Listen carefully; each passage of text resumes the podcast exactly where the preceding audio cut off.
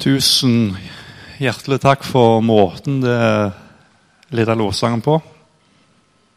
Eh, Jeg kjenner iallfall det når jeg sitter her, at det er godt å bare sitte her og både synge med og ta imot. Så takk skal du ha. Det har jeg lyst til å si til dere.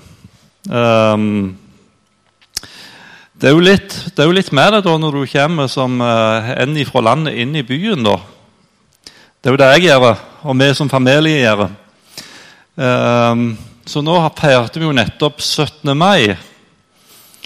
Og da fikk jeg det Jeg har jo på den lokale skolen som er på, uh, Hålen skole, så har jeg jo rota meg inn i FAU. Og, og da medfører det visstnok at uh, du blir med i 17. mai-komiteen for skolen. da. Um, så når vi så på disse her komitémøtene, så ble det ganske fort klart at jeg fikk et visst ansvar for været. da. For jeg var jo sånn pastor, og de hadde jo visse, de hadde jo visse kontakter. da. Så jeg fikk ansvar for været. Så de, um, de regna med at um, jeg var ikke helt god i knærne på 17. mai. um, og Det var jo rart, da, for det var jo ikke akkurat så veldig gode meldinger. da, Men jeg, uh, jeg tenkte ja, jeg skal be for været. Jeg. Skal be om at det må bli godt vær når vi er på Hålen skole på 17. mai. Jeg vet ikke om det er noen som ba for formiddagen da. Uh, men uh, Det var ikke så veldig lyst da. Men uh, når vi kom på ettermiddagen, så var det ganske bra vær. så, så når vi hadde litt sånn samling i bånn etter, etter 17. mai, da, så sa han en da ja, det, det hjelper nå hvis vi ser kontaktene dine. Så jeg måtte sende noen takkens ord, sa han. Um, så Det var den opplevelsen fra 17. mai. Men så tenkte jeg på når vi, vi var her i, og gikk i 17. mai-toget uh, Og nå var det visst ganske lite folk. Det var ca. halvparten ut det som folk sa. I alle fall. Halvparten så mye folk som det som pleide å være. Men for meg da, som er fra landet, så var det jo veldig mye folk. Så det var jo greit å få en litt overgang da, til bylivet her inne i Bergen. Uh, men så når jeg gikk da, og så alle disse folka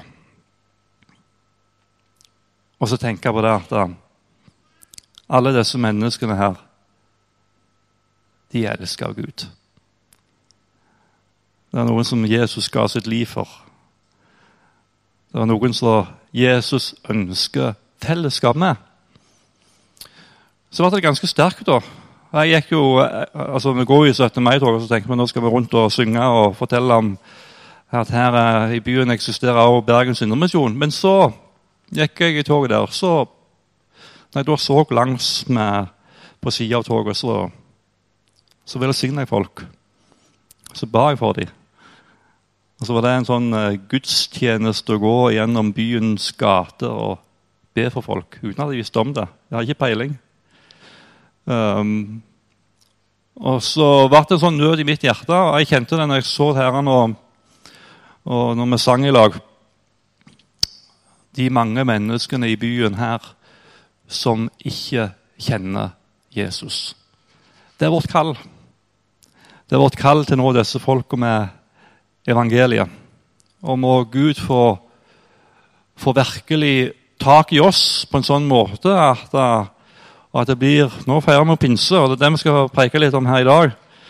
Om at Den hellige ånd kan få lov til å bruke oss på en sånn måte at vi, vi strekker hendene våre lenger ut til denne byens befolkning. Sånn at mennesker som lever langt borte ifra Gud, kommer inn i et fellesskap med Han. Og Herre Jesus, det har vi lyst til å be deg om. Vi har lyst til å be deg om at mennesker som lever langt borte ifra deg, de kommer inn i et fellesskap med deg, Herre. Og så har vi bare lyst til å be deg, Herre, du må tale til oss. Du må berøre oss. Du må bruke oss, Herre. Fyll oss med Din Hellige Ånd. Og bruk oss til å være med og nå mennesker med evangeliet, Herre, som ikke kjenner deg. Jeg ber om eh, en, en, en ny kraftdimensjon over arbeidet vårt. At det blir, um, det blir mer enn sånn tomme ord her, men det blir levende ord som er flott å være formidla fra deg inn i menneskets liv, som kan forandre dem. Jeg ber deg for den godhetsveka som skal være. Jeg ber deg om at du må bruke oss i møte med mennesker som kanskje ikke kjenner deg, og som ikke har hatt noe kjennskap til kristen tro. Jeg ber om at du må bruke oss, Herre, i møte med disse menneskene til å være med og formidle noe av din godhet. Herre. At de kan forstå noe av hvem du er. Herre Jesus, det ber jeg om. Så må du være med nå, i ditt navn. Amen.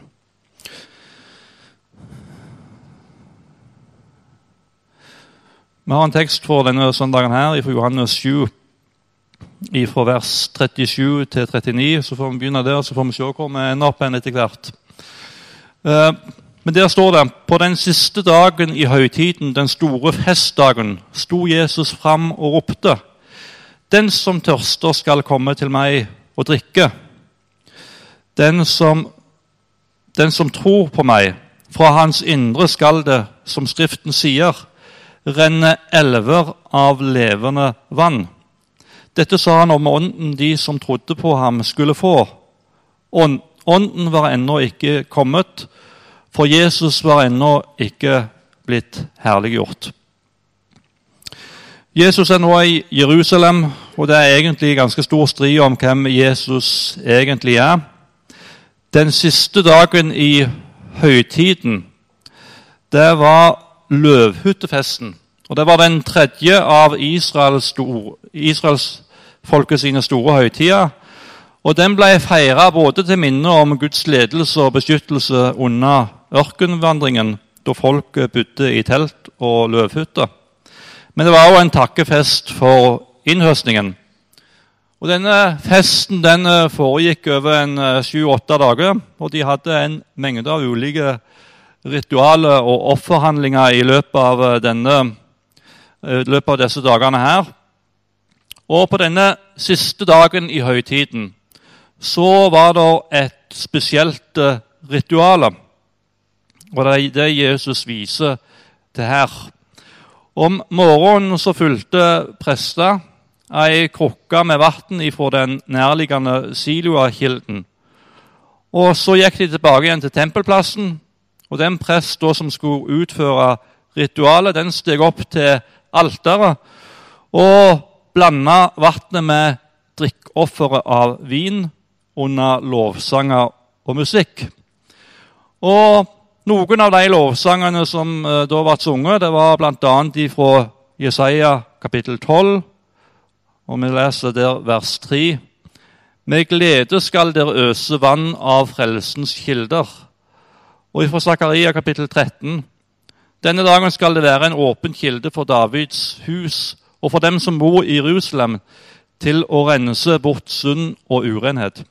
Dette skjedde det flere lovsanger som ble sunget, men bl.a. disse lovsangene ble sunget denne dagen her, da Jesus sto fram. Og det er mye trolig at det var midt i det som her skjedde med dette ritualet, um, og i denne lovsangen at Jesus sto fram og ropte ut det vi her har lest i sammen. Det er som om Jesus vil si nå er frelsens kilder åpna imot, eh, for, for, eh, imot all synd og urenhet. Den som tørster etter dette vannet, han kan få lov til å komme til meg og drikke. Um, og Midt inn i disse diskusjonene som folk hadde om hvem Jesus egentlig var, er han Messias eller er han ikke Messias, så sto Jesus fram og så sa han, her er jeg. Her er jeg, den, jeg er den Messias som skal komme, og som dere venter på. Og Jeg syns det er utrolig flott å lese disse versene herrene, og tenke at for oss er det å åpne en kilde mot all synd og all urenhet. Det er ikke sånn at når en kommer i berøring med Jesus, så blir en litt ren, eller så blir en litt rensa. Når en kommer i berøring med Han, så blir en fullstendig rensa ifra all synd og urenhet. Så kan jeg få lov til å stå og prise og takke Jesus med en takknemlighet og en visshet i hjertet om at jeg er ren. Det står i uh, Jesaja 55 og vers 1.: Kom, alle tørste, kom til vannet. Dere uten penger, Kom og kjøp korn og spis.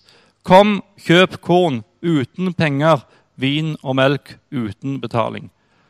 Det er et sånt 'kom' som ropes ut ifra Jesus som at de som ønsker å få frelse, de som ønsker å få fred, de som ønsker å få himmel, de som ønsker å bli rensa fra synd og all urenhet, de kan få lov til å komme og få akkurat det en trenger. Og Det er noe av det vi er vitne til i Johannes evangeliet kapittel 4 òg. Denne kvinna som Jesus møtte med Sykers brønn, som ikke akkurat var av uh, samfunnet sine hva skal jeg kalle det, samfunnet sine beste borgere. Um, hun, hadde, hun, gjorde noe som var fullstendig uakseptabelt i det samfunnet som hun levde i. Hun hadde levd sammen med fem, fem menn. Men så møtte hun en mann som var annerledes enn andre menn hun hadde truffet før. Han var ikke ute etter å få noe, men han var ute etter å gi henne noe. Og han fikk lov til å gi henne det levende vannet, Så står om Johannes 4, og vers 13 og 14. Den som drikker av dette vannet jeg vil gi, skal aldri mer tørste. For det vannet jeg vil gi, blir i ham en kilde med vann som veller fram og gir evig liv. Så får vi lov å sitte her og drikke av dette vannet her. Dette vannet som gir evig liv. Og så kan vi få lov til å kjenne en takknemlighet over det Gud har gitt til oss. Og Så er det noe som skjer, og det er det vi skal bruke mest tid på her i dag. Det er noe som skjer når en drikker dette vannet. Når en drikker av dette vannet som Jesus har å gi, så skjer det noe med oss. Um, da sto herrene i vers 38 og 39. Den som tror på meg, fra hans indre skal det, som Skriften sier, renne elver av levende vann. Dette sa han om ånden uh, de som trodde på ham, skulle få. Ånden var ennå ikke kommet, for Jesus var ennå ikke herliggjort. Det skjer altså en radikal forandring med et menneske som begynner å tro på Jesus. Ehm, jeg får tilgivelse for synd. Jeg får himmel. Jeg blir rensa ifra all urenhet.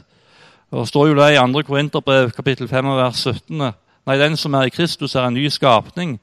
Det gamle er borte, så det nye er blitt til. Det er noe nytt som skjer. Og så er det ikke bare at jeg får det er, Unnskyld at jeg bruker uttrykket 'bare', for det er jo ikke bare å få evig liv. Det er noe enormt. Men det er enda mer som skjer i tillegg til det. Um, og Nå skal ikke jeg ta bibelverset for meg her, men Gud flytta inn der. Jesus han flytta inn i hjertet og inn i livet vårt. Og det som står herrene i disse versene vi har, lest, om at Den hellige ånd flytta inn i hjertet vårt. Den som har drukket av dette vannet eh, Da kommer Den hellige ånd inn, og Den hellige ånd blir til en kilde som Det blir ikke bare en kilde, men det blir til elver som strømmer levende vann til andre mennesker. Um, da står Herren at ånden var ennå ikke gitt. Og Her taler Jesus altså om startskuddet som skulle skje på pinsefestens dag, da Hans ånd skulle utgytes over alle mennesker, sånn som det står i Joel kapittel 3. Og Der står det en gang skal det skje at jeg øser ut min ånd over alle mennesker. Deres sønner og døtre skal profetere. De gamle skal drømme drømmer og de unge skal se syn.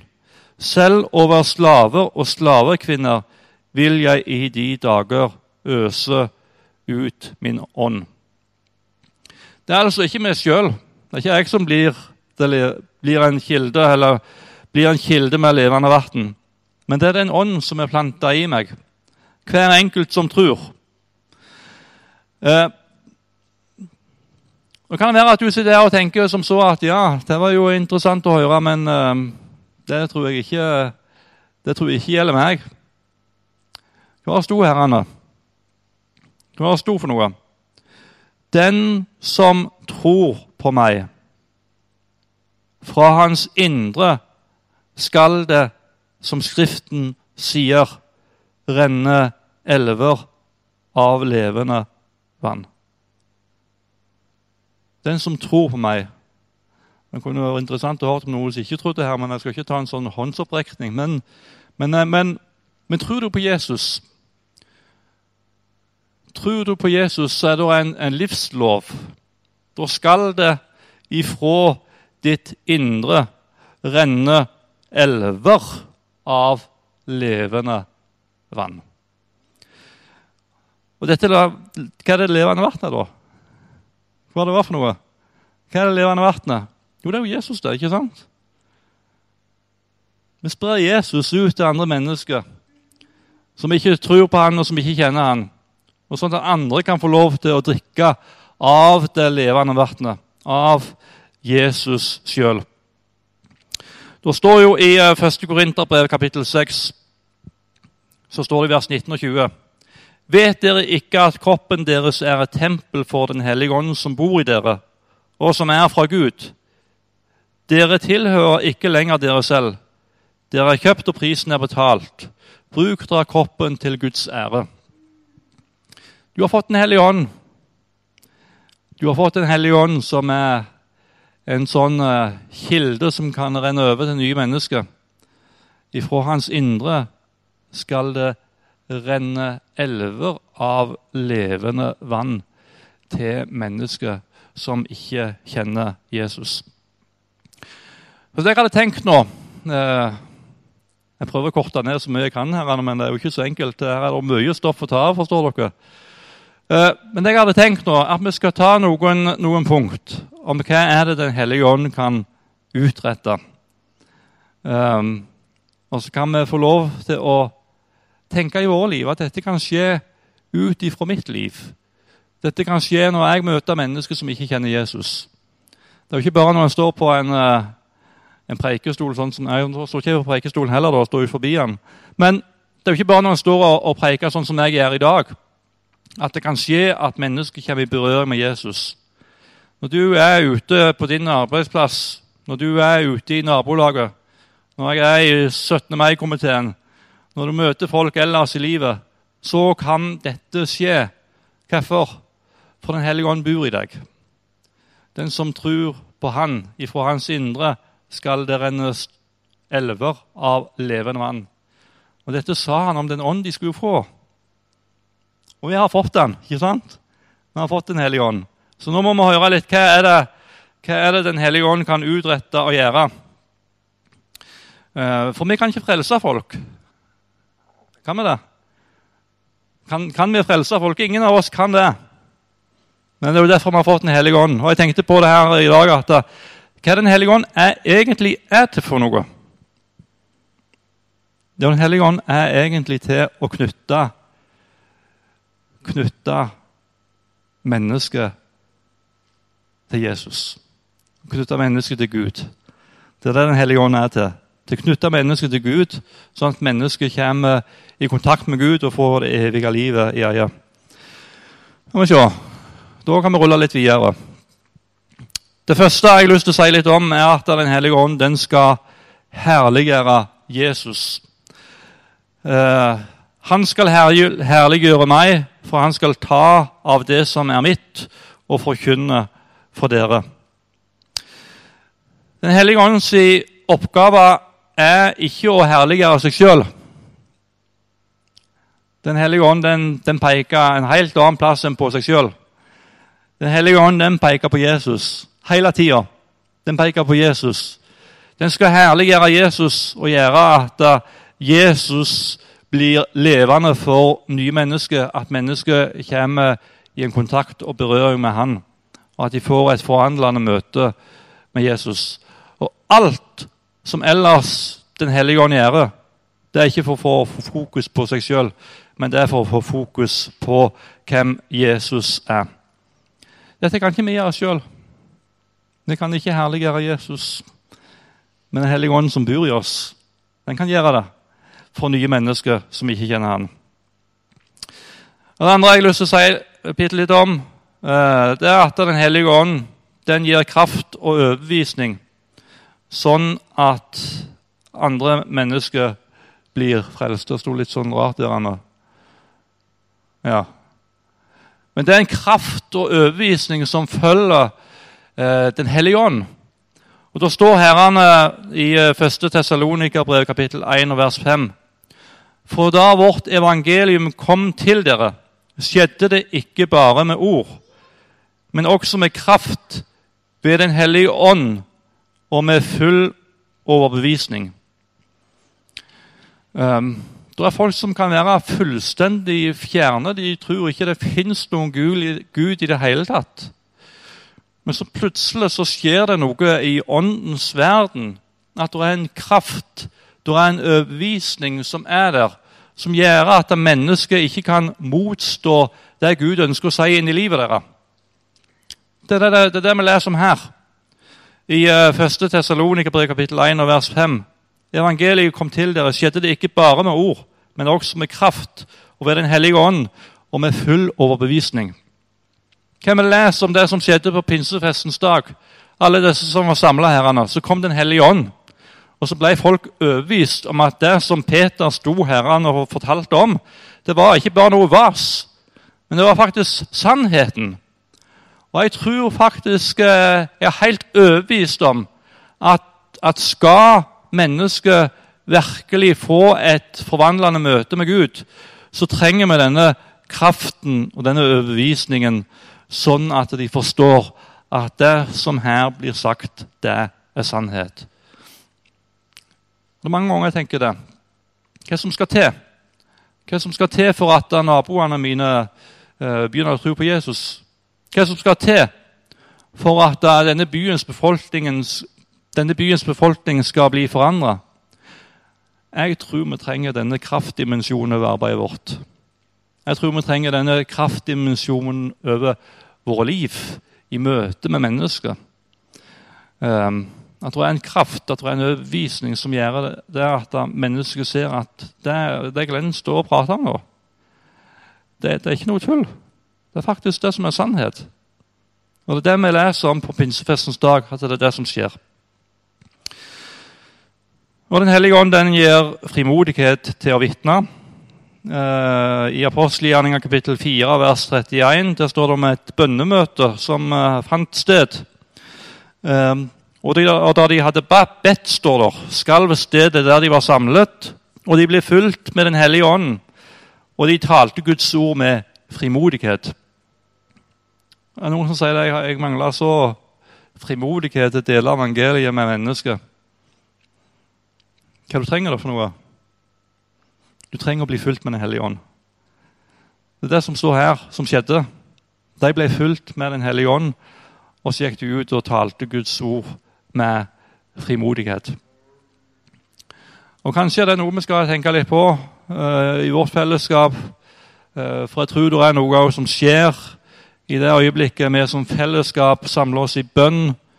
I bønn for, uh, for, for byen, i bønn for folket. Det er det som skjedde her. De var samla til felles bønn. Og du vet, eh, Vi kaller oss for bedehusbevegelsen. ikke sant? De bygde alle disse her bedehus, og de samla seg og ba i disse husene. Og Kanskje er det noe som vi må løfte enda mer opp i, i vårt fellesskap. At vi bruker mer tid på bønn enn å prate. For når vi søker Gud og søker Hans ansikt, så kan det skje noe med oss som ber. For det var det som skjedde her. De var samla, og de ba. Og så skjedde det faktisk noe med de som var der i fellesskap og ba. De ble fulgt med Den hellige ånd, og så gikk de ut og talte Guds ord med frimodighet. Um, det neste å bli ledet av Den hellige ånd. Noen mener, tenker som så at det er jo ganske suspekt å tenke at en skal bli ledet av Den hellige ånd. Men da var de ganske suspekte i, eh, i, eh, i eh, den første kristne tid. For det står jo herrene om, om når de var på vandring, herrene, så står det at de drog så gjennom Frygia og de galatiske land fordi de ble hindret av Den hellige ånd fra å tale ordet i Asia. De ble altså hindret av Den hellige ånd, og så ble de leder. Og kan lese resten av det som står i de omkringliggende versene. Der, så det er ganske interessant å se hvordan de ble ledet på en tydelig og konkret måte i, uh, i, forhold til, og, i forhold til hvor de skulle gå videre hen med evangeliet. Men hele tida handler det ikke om noe sånn eh, at dette er noe sånn ekstraordinært for, for, sin egen del. Men hvorfor er det det skjer? Hvorfor ble de hindra? Hvorfor ble de ledet på en konkret måte? Det er for at Gud hadde noen tanker om hvor er det evangeliet nå skal slå nytt, nye røtter inn i et område, inn i nye mennesker sin liv. Og Jeg tror òg at vi som, eh, som lever i dag, vi kan bli ledet på en konkret måte i forhold til uh, i forhold til at nye mennesker skal få lov til å få møte Jesus. Dette forteller, dette forteller historien uh, vår veldig mye om. Altså, Johannes Kleppe her nede, og han kunne fortalt mye om det ut ifra det han har lest. Um, historier som jeg har hørt, der uh, folk ble minnet. Uh, de snakket om minnelser. Jeg vet ikke om du har hørt om det, så er godt voksne. De snakket om minnelser. De ble så minnet om å gå til noen. Uh, og så gikk de til noen.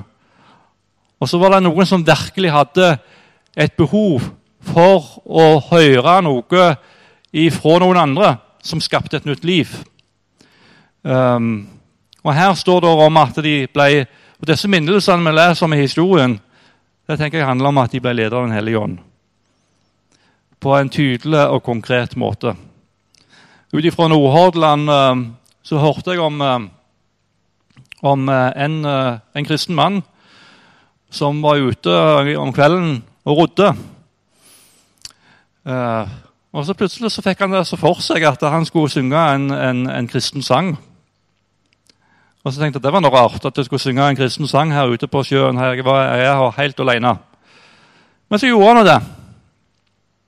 Og Det han ikke visste om, det var at inn, inn, inn med land, inn, inn, på land så var det en, en mann som var på vei til å ta sitt eget liv. Men så hørte han denne sangen her, ut ifra sjøen. Og så møtte Gud han der. Og så ble hans liv forandra.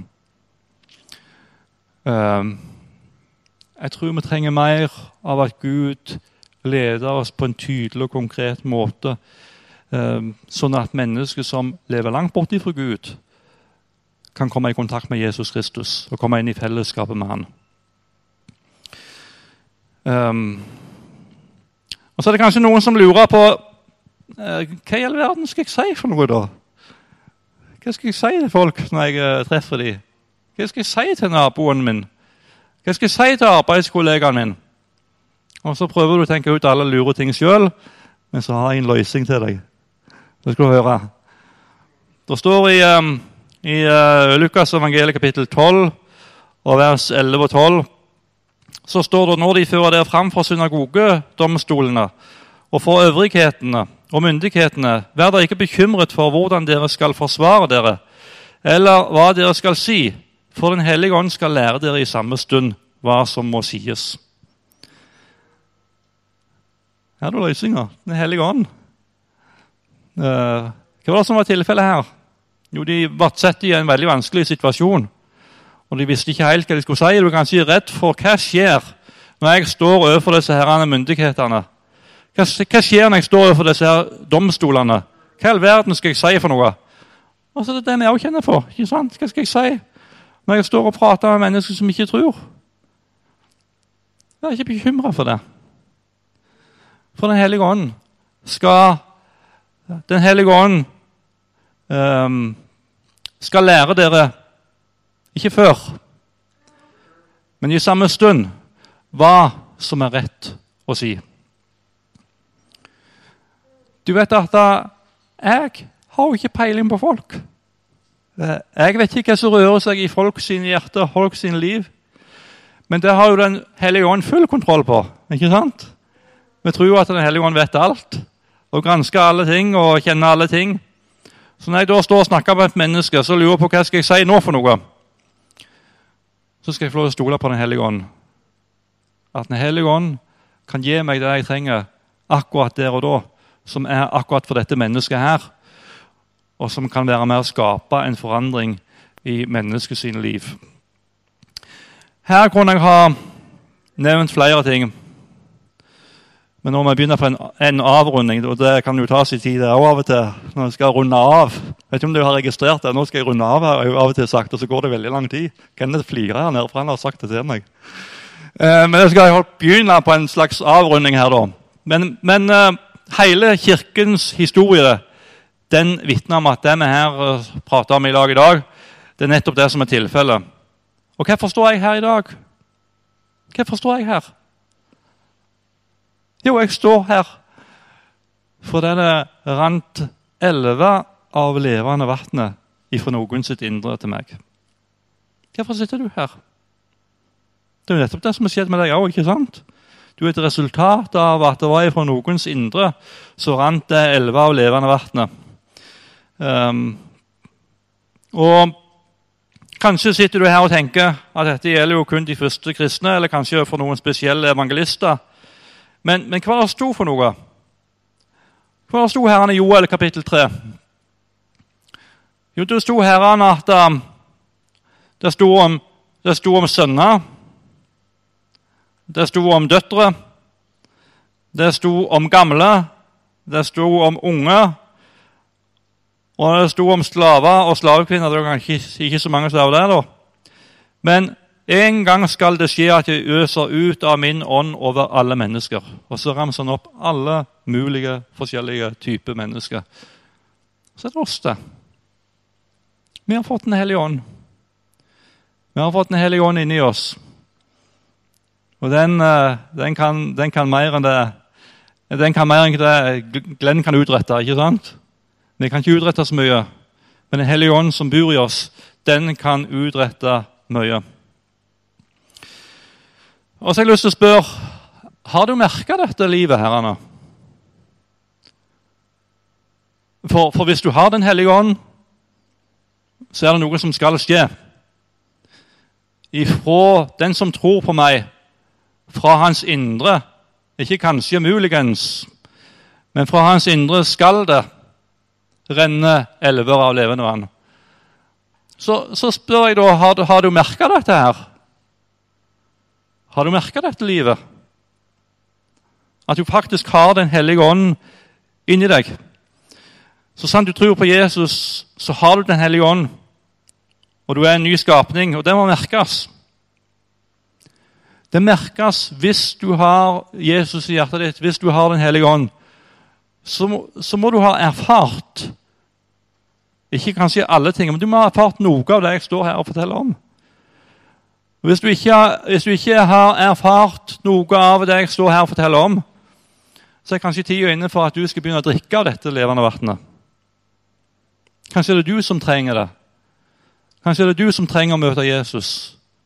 Kanskje er det du som trenger å få del faktisk i det evige livet. Um, for det merkes når når en har fått uh, del i det evige livet, og han har fått Den hellige ånd, da vil noen av disse tingene her skje ut ifra ditt eget hjerte og ditt eget liv. Uh, jeg har et sitat her fra en, uh, en, kar. Jeg tror jeg får det opp på veggen òg. Ja, der kommer det. Asbjørn Aarvik han var en kinamisjonær. Han er jo død for noen, noen, år siden, ikke så veldig mange år siden. Men han har skrevet en fantastisk bok som heter 'Åndens tempel'. Den, eh, hvis du ikke har lest den, så bør du lese den. Den er vanvittig bra. Men der skriver han altså eh, Kirkesamfunnet må vi ha. Det kan diskuteres både der og om en må ha organisasjonene. Men han sier det at um, Herrens ild faller aldri på apparater, men på mennesker.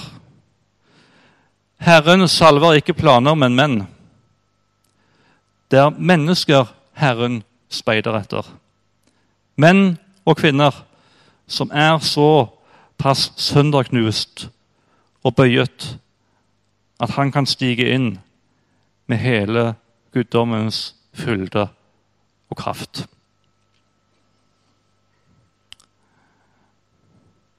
For han lov det hos oss i Bergens Indremisjon. Det får lov til å komme inn. Det er så, så flott det, det du uh, leste her, Elisabeth. Den invitasjonen til fellesskap. Uh, hvor, hvor er vi henne? Er det plass for Den hellige ånd? Er det plass for Jesus hos oss, i våre liv, i vårt arbeid? Jeg stiller noen spørsmål her. For det er et, um, det er et liv i Den hellige ånd. Um, det, er jo sånn når jeg, når jeg, når jeg leser disse tingene, her, så, så, kjenner jeg jo en jeg, jeg, tror jeg kan si jeg har erfart noen av disse tingene. Men så kjenner jeg en sånn lengsel etter at disse tingene som vi, vi leser om i Bibelen, om hva Den hellige ånd kan utrette, så kjenner jeg en lengsel etter at uh, dette skal få lov til å skje i enda større grad ut ifra mitt liv. Uh, der, um, um, der andre mennesker kan få lov til å møte Jesus gjennom mitt liv. For Den hellige ånd Eh, for det går faktisk an å utslukke Ånden. En kan ha Den hellige ånd, og plutselig kan en utslukke Ånden. Det går an å gjøre Den hellige ånds sorg. Den hellige ånd kan bli lei seg. Når det er andre ting som egentlig andre ting som ikke skulle ha vært der, som plutselig får lov til å fylle hjertet av livet vårt, så kan Den hellige ånd bli sorgfull, den kan bli lei seg. Og han kan utslukke Den hellige ånd. Det kan skje i våre liv. En gang så kan han ha hatt Den hellige ånd, og så kan Den hellige ånd blitt utslukka. Men så går det òg an å bli fulgt av Den hellige ånd. Den hellige ånd er en person, og jeg tenker som så at når Den hellige ånd kommer inn Det er som et hus med mange rom i. Ikke sant? Den hellige ånd så kommer inn i et hus, mitt hjertets hus, som det er så utrolig mange rom i. Og han ønsker å følge oss helt ut. Han ønsker å komme inn på roterommet vårt og renske opp litt. Han ønsker, du vet, Når, jeg, når vi får besøk uh, hjemme hos oss, så viser vi rundt i huset inn i alle roterom. jeg si. Og Det er jo ikke alltid så ryddig der, da. Uh, men det er jo kanskje ikke så normalt at en viser folk rundt i roterommet. Men, men, uh, men Den hellige ånd, da, den vil inn i alle krinkelkroker i vårt hjerte og vårt liv. Får han lov til å slippe til med hele sin guddoms fylde og kraft? Er det noen rom vi holder avstengt? Vi sier det til Gud og vi sier det til Jesus Den hellige ånd, at det får lov til å komme hertil. Men så er det stopp. Får han lov til å komme inn med hele guddommens fylde og kraft. Um, uh, det er en, en, av de store predikantene som heter Modi. Han sa det at Herren har ennå igjen å vise verden hva han kan utrette gjennom og ved et menneske som gir seg helt og fullt til han. Jeg tror det er sant, det ennå igjen å se kan få, kan få lov til å utrette et menneske som gir seg helt og fullt til han. Men hva om Gud kunne fått i dag? Jeg tror kanskje Den hellige ånd taler nå til noen av oss. Kanskje det er noen nye rom som Den hellige ånd skal få lov til å komme inn i, i ditt liv. Få lov til å fylle av ditt liv. Sånn at Den hellige ånd får enda større arbeidsrom i ditt hjerte, i ditt liv. Um, og nå helt til slutt nå jeg, Det var en ganske kort avslutning, dette her. Uh, nå helt til slutt. Hva er det jeg ser etter Hva er det jeg tenker om forsamlingsarbeidet her? Hva er det jeg ser etter? Nå skal du høre. Jeg ser ikke først og fremst et menneske som vil gjøre en innsats for forsamlingen. Nå kan det være du rukker litt i stolen her nå. Det er ikke det jeg først og fremst ser etter. Jeg syns det er flott da, at uh, folk stiller seg til disposisjon, men det er ikke det jeg først og fremst ser etter. Jeg ser ikke et menneske, et menneske som er godt utrusta. Og Det er jo flott når folk har eh, en god utrustning eh, og kan eh, bidra på ulike måter i arbeidet vårt. Men det er ikke det jeg først og fremst ser etter. Hva er det jeg ønsker å se? Hva jeg lengter etter å se som skjer i arbeidet vårt? Jeg ser etter mennesker, menn og kvinner, som er fulgt av Den hellige ånd. Som er fulgt av Den hellige ånd.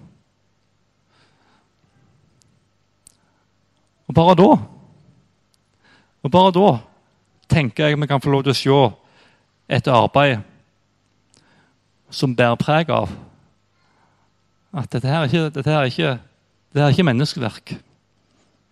Dette er Guds verk.